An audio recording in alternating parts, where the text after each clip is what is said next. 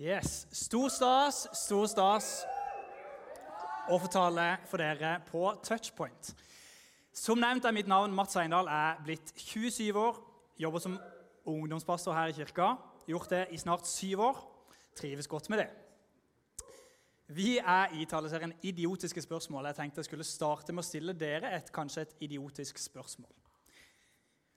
Har du noen gang prøvd å skylde på noen andre når du egentlig visste at det, det kanskje var din egen skyld? Ja. Idiotisk spørsmål fordi jeg tror at dessverre så er det noe alle kan eh, kjenne seg igjen i. Det kan i hvert fall jeg. Og det er rart, det der med skyld. For alt i verden så prøver vi å unngå det, gi det over til andre, bare så lenge vi ikke får det sjøl. Og Jeg har samla noen eksempler. og De er kanskje litt ungdommelige. Dere får unnskylde meg det, men jeg er tross alt ungdomspastor. Eh, kanskje kjenner dere igjen i noen av de, og kanskje får dere flashbacks til noen gamle memes. Men ok, det med skyld Vi prøver oss på det. I'm not sure whose fault it is. Going to blame someone else anyway. Ja. Nummer to simple. Blame the government. Not, it is not your fault if you blame your team. When you and your sibling are trying to blame each other. Shift the blame. Bare sånn helt sånn rolig, bare. Få det over på noen andre. You get the blame, you get the blame, and you get the blame. Everyone gets the blame.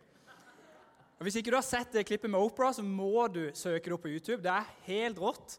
Hun, eh, veldig kort fortalt så skal hun dele ut én bil til én eh, i publikum. Eh, og Det er sånn 500 stykker i publikum. Og så er det en av de som vinner. Alle skal åpne en boks, og i boksen så er det nøkkel. Og plutselig så får alle en bil. Så alle 500 får en bil. Det er helt sykt. Så er det den memen spiller på. Sjekk det ut. Det er et sykt klipp. Og så eh, tenkte jeg bare slenge inn en kristen eh, versjon her. og Kanskje du tar den, kanskje ikke. Det er fra andre Mosebok. Men vi prøver oss. So I said to them, let anyone who have gold take it off. So they gave it to me, and I threw it into the fire, and out came this calf. It's not my, my fault. Spiller på Aron og uh, gullkalven der i andre Mosebok. Til slutt kanskje en oppsummering. I want all the credit, but none of the blame. Og vi har en sånn tendens jeg kan i hvert fall kjenne det igjen i eget liv, at vi bare sånn automatisk prøver å Hvis det er noe som er galt, så prøver vi å finne ut av hvem er det sin skyld. Hvem har ansvaret? Hvem er, vi på en måte, hvem er det vi skal skylde på her? Og Det tar oss inn i eh, dagens spørsmål. Idiotiske spørsmål er taleserien. Og vi ser på spørsmål som disiplene stilte til Jesus, som på med første øyekast kan vi virke ganske idiotiske spørsmål. Og Det er dette med skyld som vi skal se på i, i dag. Og Vi er i eh, kapittel 9 i Johannes. Eh, og vi leser fra vers 1.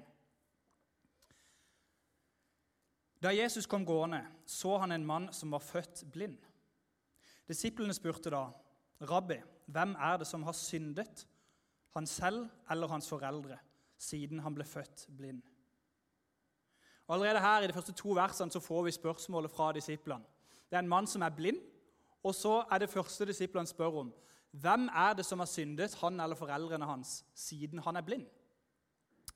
Og Det kan virke for oss som et veldig idiotisk spørsmål, men i den tida så var det ikke nødvendigvis det. fordi at på den tida, og litt sånn i jødisk skikk, så hadde det kommet seg inn en sånn misforståelse om at hvis det var noe galt, hvis det var noe problem, så var det noen som sto bak det, at det var noe den personen sjøl var ansvarlig for. Så hvis en person var blind, da var det fordi at det var noe i hans familie der noen hadde synda, og så ble, det, ble de straffa med f.eks. blindhet. Og så svarer Jesus i vers 3. Jesus svarte, verken han eller hans foreldre har syndet. Men nå kan Guds gjerninger bli åpenbart på ham. Og så Allerede på bare første setninga så etablerer Jesus en sånn evig sannhet. Og Det er noe av grunnen til at det vi ønsker med denne taleserien, er at ofte når disiplene stiller et sånn idiotisk spørsmål, så kommer Jesus med noen veldig sånn grunnleggende sannheter. Så de spør, disiplene spør hvem er det som har gjort noe galt siden denne mannen er blind. Og så svarer Jesus med en gang verken han eller foreldrene hans har syndet. Og Det betyr jo ikke at de aldri har gjort en synd i hele sitt liv, men han, han konstaterer ganske sånn tydelig at det, det, er ikke en sammenheng mellom at han er blind, og at han eller foreldrene sine eller noen i slekta hans har gjort noe synd, og så blir det en sånn automatisk straff. Og videre Så lenge det er dag, må vi gjøre Hans gjerninger som har sendt meg. Det kommer en natt da ingen kan arbeide. Så lenge jeg er i verden, er jeg verdens lys.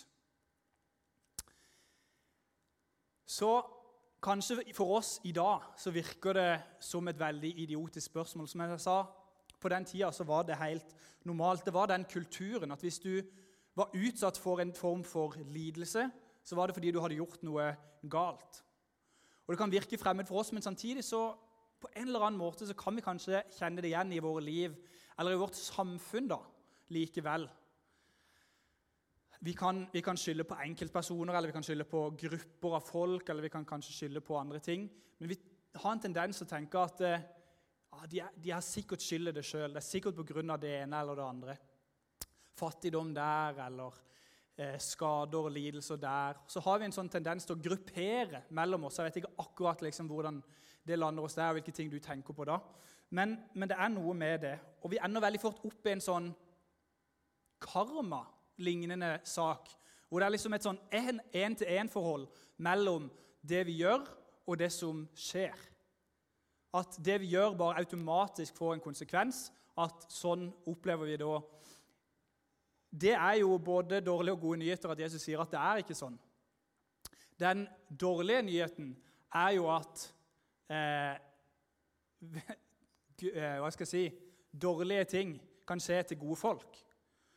Det er eh, dessverre sånn at livet er urettferdig. Og det konstaterer vi jo på en måte, det vet vi jo, det er jo ikke en hemmelighet at dårlige ting kan skje med gode folk. Men den gode nyheten er jo at eh, hvis det hadde vært sånn at alt det vi gjorde galt, kom tilbake og traff oss i fleisen, så hadde vi jo vært ganske ille ute alle sammen på et eller annet vis. Kanskje i veldig forskjellig grad eller sånn eller sånn.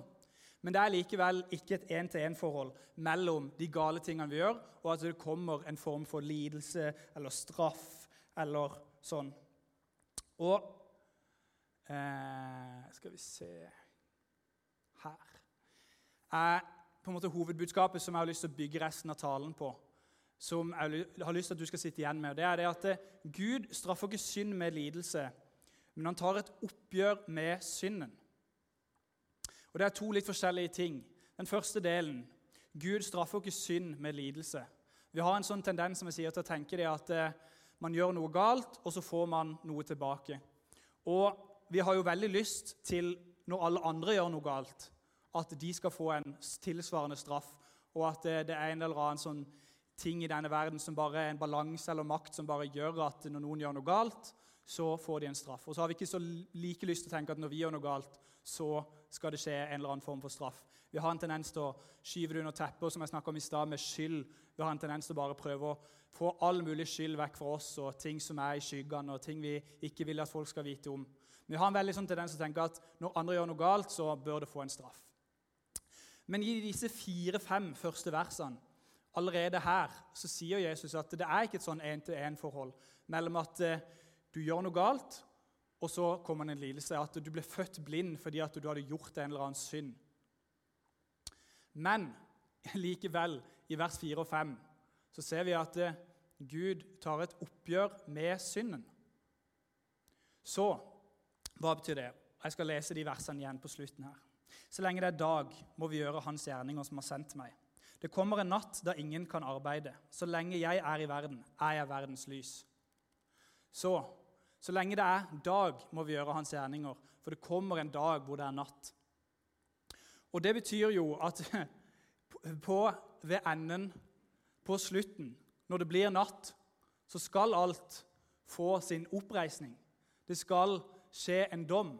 Men det er ikke sånn at i denne verden at eh, det ene vi gjør, får en eh, lik motreaksjon. Sånn som kanskje karma er. Så det er på en måte både gode og dårlige nyheter i ett. Men den gode nyheten overalt det er at eh, Jesus sier at til syvende og sist så skal alt få en dom. Men fram til det så lever vi i en urettferdig verden. En verden hvor det er ikke sånn at alle som gjør noe galt i denne verden, får oppleve å bli straffa for det. Mange går fri. Men alt til syvende og sist skal få eh, sin dom. Men han sier at eh, så lenge det er dag, må vi gjøre hans gjerninger. Og Det var derfor Jesus kom i verden, for å starte den gjenopprettelsen. Fordi at vi tror at ved dagens ende, når det blir natt, så skal det også komme en ny himmel og en ny jord. Og Da skal alt bli bra, og all synd skal forsvinne. Men allerede før det så kom Jesus inn i verden og starta på den gjenopprettelsen. Og resten av talen så har jeg lyst til å si litt om hva er det som skjer. Hva er det som kan skje i den gjenopprettelsesprosessen? For vi lever i et, noe vi kaller for et allerede, men enda ikke. Jesus har kommet, men fremdeles så er verden full av synd, full av feil. Og hvordan kan det se ut i våre liv i dag? Så Vi skal se på resten av denne historien. Vi har bare starta, så skal vi se på hva er det som skjer videre med denne blinde mannen. Og så skal vi se på tre perspektiver av hva er det som skjer når Jesus kommer inn i verden. Jeg har lyst til å fokusere på den blinde mannen sitt perspektiv. Jeg har lyst til å fokusere på hans foreldre. Og jeg har lyst til å fokusere på fariseerne, de religiøse lederne i landet. Hvordan er det de tar det videre som skjer? Og Vi leser videre vers 6. Da han hadde sagt dette, spyttet han på jorden, laget til leire med spyttet og smurte den på mannens øyne. Så sa han, 'Gå og vask deg i Siloadammen.' Siloa betyr utsendt. Mannen gikk dit og vasket seg, og han kom tilbake seende. Så Jesus helbreder denne mannen. Det er jo et mirakel. Og alltid, Det er ikke alltid lett å forstå hvorfor skulle han spytte på jorda og ta, ta gjørme i øynene og hele den pakka der. Men resultatet er i hvert fall at han blir seende. Han, han blir helbreda for sin blindhet. Naboen og de som før hadde sett at han var en tigger, sa da, 'Er ikke dette han som satt og tigget?' Noen sa at det var han, og andre sa, 'Nei, han bare ligner'. Og det er jo, jeg husker når jeg har lest denne teksten før, så er det man kan jo stoppe opp og lure liksom, har de ikke, kjenner de han ikke igjen. Det er jo samme personen. Men de kjente han tydeligvis ikke igjen. En som ligner. Men han selv sa, 'Det er meg'. 'Hvordan ble øynene dine åpnet?' spurte de. Han svarte. En som heter Jesus, laget til leire og smurte på øynene mine og sa, 'Gå til Silodammen og vask deg.' Jeg gikk dit, og da jeg hadde vasket meg, kunne jeg se. 'Hvor er denne mannen?' spurte de. 'Jeg vet ikke', svarte han. Videre. Da førte de mannen som hadde vært blind, til fariseerne. Så denne mannen som var blind, ble seende. Det ble oppstyr i landsbyen, og han ble sendt til lederne i landsbyen. Det var sabbat den dagen Jesus hadde laget til leire og åpnet øynene hans. Også fariseerne spurte hvordan han var blitt seende. Han svarte, 'Han la leire på øynene mine. Jeg vasket meg, og nå ser jeg.' Da sa noen av fariseerne, 'Denne mannen er ikke fra Gud, siden han ikke holder sabbaten.' Og Det er også en sånn ting som jeg har stoppa opp med når jeg har lest den teksten før. Er det mulig å ha et sånn type fokus? Det høres jo helt sykt ut. Fordi at, som jeg sier, Dette var de religiøse lederne.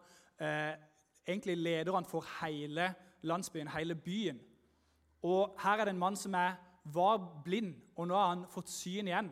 Og Det første disse lederne, de religiøse lederne sier, er men han brøt jo sabbaten, så han kan ikke være en gudsmann. Det høres jo helt sykt ut at det er viktigere å holde hviledagen hellig. Dette var da på en lørdag, og man skulle ikke arbeide på en lørdag. Det var masse strenge regler for man skulle ikke gjøre det og man skulle ikke gjøre det, og man skulle ikke gjøre det, for å holde hviledagen hellig. Og så sier de at eh, ja, det er viktigere å holde hviledagen hellig enn at noen får synet igjen. Andre sa, 'Hvordan kan et syndig menneske gjøre slike tegn som han?' Det ble uenighet blant dem om dette. Da spurte de igjen han som hadde vært blind. Hva mener du om ham, siden han har åpnet øynene dine? Han svarte, han er en profet. Og Hvis vi går tilbake til Gamle testamentet, så er det ofte tegnet på de som var en profet. Det var det at de kunne gjøre tydelige og sterke tegn. Når vi har Moses og vi har mange av de andre på en måte tidligere heltene i Gamle testamentet. Så denne mannen han har bare fått møtt så vidt Jesus, og han har blitt helbreda, fått syn igjen. Og eh, så sier han han må være en form for profet, for han har gjort store og tydelige tegn. Jødene ville ikke tro at han hadde vært blind og nå kunne se. Derfor tilkalte de foreldrene til ham som hadde fått igjen synet, og spurte dem, er dette sønnen deres, han dere sier er født blind? Hvordan har det gått til at han kan se? Foreldrene svarte, vi vet at dette er vår sønn, at han er født blind. Men hvordan det har gått til at han nå kan se, det vet vi ikke, og heller ikke vet vi hvem som har åpnet øynene hans. Spør ham selv, han er gammel nok til å svare for seg. Foreldrene sa dette fordi de var redde for jødene. Jødene hadde alt bestemt at den som bekjente at Jesus var Messias, skulle utstøtes av synagogen.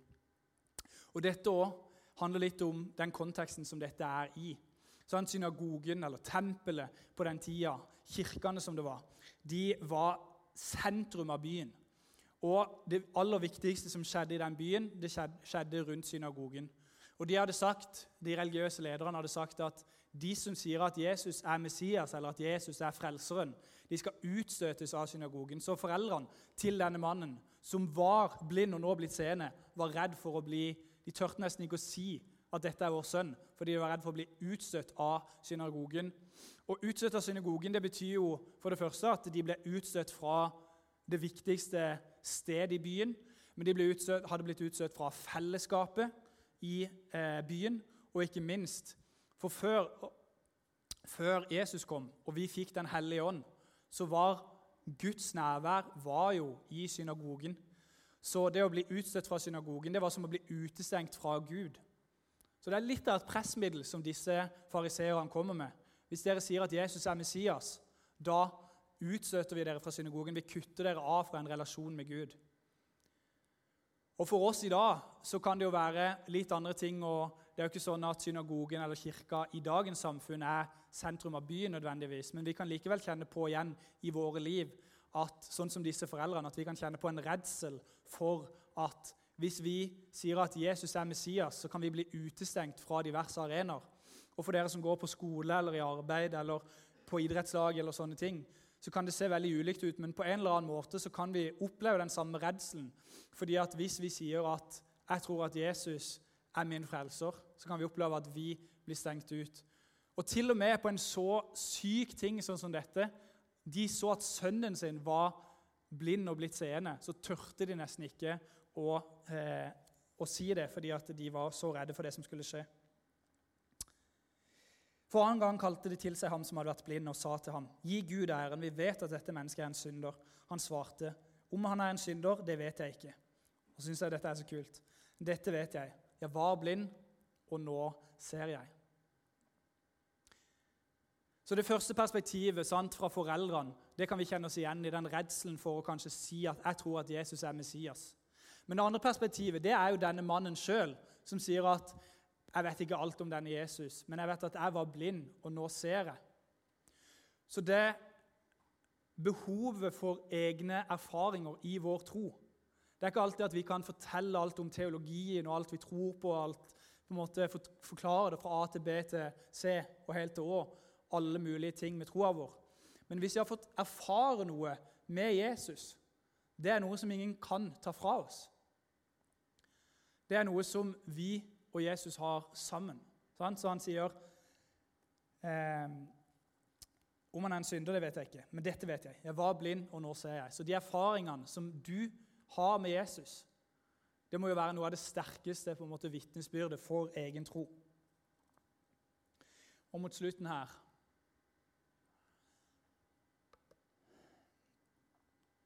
eh, Hva gjorde han med deg? Hvordan åpnet han øynene dine? spurte de.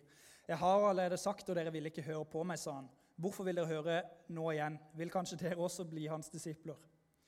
Men de skjelte ham ut og sa, du er hans disippel, vi er disipler av Moses. Vi vet at Gud har talt til Moses, men vi vet ikke hvor dette mennesket er fra. Han sa, det er da merkelig at dere ikke vet hvor han er fra, enda han har åpnet øynene mine.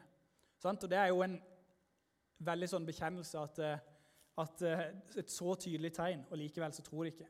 Vi vet at Gud ikke hører på syndere, men bare på den som er gudfryktig og gjør hans vilje. Så lenge verden har stått, har ingen hørt om noen har åpnet øynene på en som er født blind. Var ikke denne mannen fra Gud, kunne han ikke gjøre noe. Du er født som en synder tvers igjennom, og du vil belære oss av de. Så kastet de ham ut. Og Det er tre ting som fariseerne gjør her, som er ganske oppsettende. Sant? Og Husk at dette var lederne for kirka på den gang, eller på synagogen. Og Vi kan det litt med kirka i dag. Og vi vet at kirka gjennom historien har gjort mange ting som, som ikke har vært bra. Og vi må passe oss for å være en, en kirke som ikke gjentar disse tingene her. Og Det er tre ting spesielt som de gjør i møte med denne mannen. Denne mannen som har vært en tigger, som har vært blind, og som nå kommer inn til fariseerne. Og så gjør de spesielt tre ting. For det første så bruker de skjellsord. De skjeller han ut. Det er jo ikke en god ting. Og for det andre så, så, eh, så sier de du, er, du, som er født som en synder tvers igjennom. De kaller ut noen ting i han og sier at du er sånn, og du er sånn. Og for det tredje så bruker de rå makt. De kastet ham ut. Sant? Så det er tre sånne perspektiver som jeg tror vi kan ta med oss inn i, eh, inn i livet vårt, inn i troa vår. Fra tre forskjellige synspunkter, fordi vi tror at når Jesus kom inn i verden for å gjenopprette mye av det som var blitt skada, så reagerer folk på veldig ulike måter. og Det er ingen, dessverre, eh, automatikk i at når det skjer noe positivt eller bra for én person, så reagerer alle andre på en god måte. Så fariseerne reagerer med, med, vantro og med skjellsord og med på en måte kaste han ut. Det må vi jo prøve å unngå, selvfølgelig. Men nummer to det med at foreldrene, de som var så nære til han, de kjente på en så stor redsel. Og jeg vet jo at altså, I undergrunnsmenigheter i Kina for eksempel, eller i Egypt kanskje, eller i Iran og Afghanistan Når det er ekte forfølgelse sant? De er kanskje redde for noen av disse samme tingene, men det kan være reelt for oss, oss her i Kristiansand eller i Norge at vi kan, selv om vi har opplevd noen ting med Gud, selv om vi har sett noen vitnesbyrd, selv om vi har på en måte fått erfare noen ting, så, så kan vi kjenne på at det kan være utfordrende å eh, proklamere det. Men det er det tredje som jeg tenker er det viktigste. Det er denne mannen sjøl, sine opplevelser og sine erfaringer. Fordi han sier, 'Jeg vet ikke hvem han, jeg vet ikke alt, men jeg vet at jeg var blind, og nå ser jeg.' Så hans egne erfaringer det er det som på en måte gjør at han står fast på, i møte med overmakter, i møte med utfordringer. Så sier han at ja, jeg vet ikke alt, men jeg vet at dette har jeg opplevd, så nå står jeg fast på dette. Så det er noe av utfordringa mi til deg i dag. Nettopp det at eh, troa vår bygges på mange forskjellige ting. Men noe av det sterkeste vi kan bygge troa vår på, det er egne opplevelser med Jesus. Og det kan se enormt forskjellig ut. Vi har en tendens til å tenke at livet med Jesus det er sånn og sånn. Det er å komme på touchpoint, høre på sangene, høre på talen, og så er det liksom det. Men det er mye mer enn det, mye, mye rikere enn det. Noen får masse ut av lovsangen, noen får mye ut av forkynnelsen, noen syns at å lese egen bibel er bra. Eh, noen har andre måter gjennom smågrupper f.eks., og en kombinasjon av disse er selvfølgelig det beste. Men uansett hvordan du kjenner at du får noen erfaringer med Jesus, så er det den konkrete utfordringa ut fra teksten i dag å ta med seg få noen egne erfaringer med Jesus, for det er det største vitnesbyrdet som vi sjøl kan, kan eh, ta med oss. Og så tilbake til hovedbudskapet mitt for i dag, når disiplene stiller disse spørsmålene. Eh, hvem er det som har synda for at han er blind? Og så gjør Jesus det veldig tydelig. Det er ikke eh, en person sin skyld at dette har skjedd. Men vi lever i en fallen verden. Det er ikke alltid at vi kan pinpointe at det er hans feil eller hos sin feil. eller det eller det har skjedd. Men vi lever i en verden hvor det er, som er urettferdig, hvor vi ikke kan forklare alt. hvor Det er ikke sånn at det ene nødvendigvis fører til det andre. Så Gud er ikke sånn at han bare straffer synd med konkret lidelse i denne verden, men han tar et oppgjør med synden. Vi tror at en gang der framme så, så blir det et endelig oppgjør. Og I denne teksten så har vi sett et konkret mirakel. Vi ser at denne mannen var blind, og han fikk syn igjen. Men mot slutten av denne teksten så er det et enda større mirakel, vil jeg tørre å påstå. Vers 35. Jesus fikk høre at de hadde kastet ham ut, og da han møtte ham, spurte han, 'Tror du på menneskesønnen?' Han svarte, 'Hvem er han da, gode Herre, så jeg kan tro på ham?' Jesus svarte, du har sett ham. Det er han som snakker med deg. 'Jeg tror, Herre', sa mannen, og han tilba ham. Målet med alt det gode som Jesus kommer for å opprette Selvfølgelig er det tingene i seg selv, men det peker alltid mot noe mer. Det peker noe om hvem Jesus er, og der framme på korset hva han gjorde for når han tok et oppgjør med all synd. Så det er fint med under og tegn og mirakler og ting som kan skje, helbredelser i denne verden. Men det peker alltid fram mot Jesus mot det endelige oppgjøret mot synd. Så for et fantastisk vitnesbyrd at denne mannen ble helbreda. Og som det sto eh, helt i begynnelsen av teksten eh, Nå kan Guds gjerninger bli åpenbart på ham. Så gjennom det at denne mannen ble helbreda, så kom han til tro. Og det er jo et enda større mirakel, fordi at han den dagen fant frelse.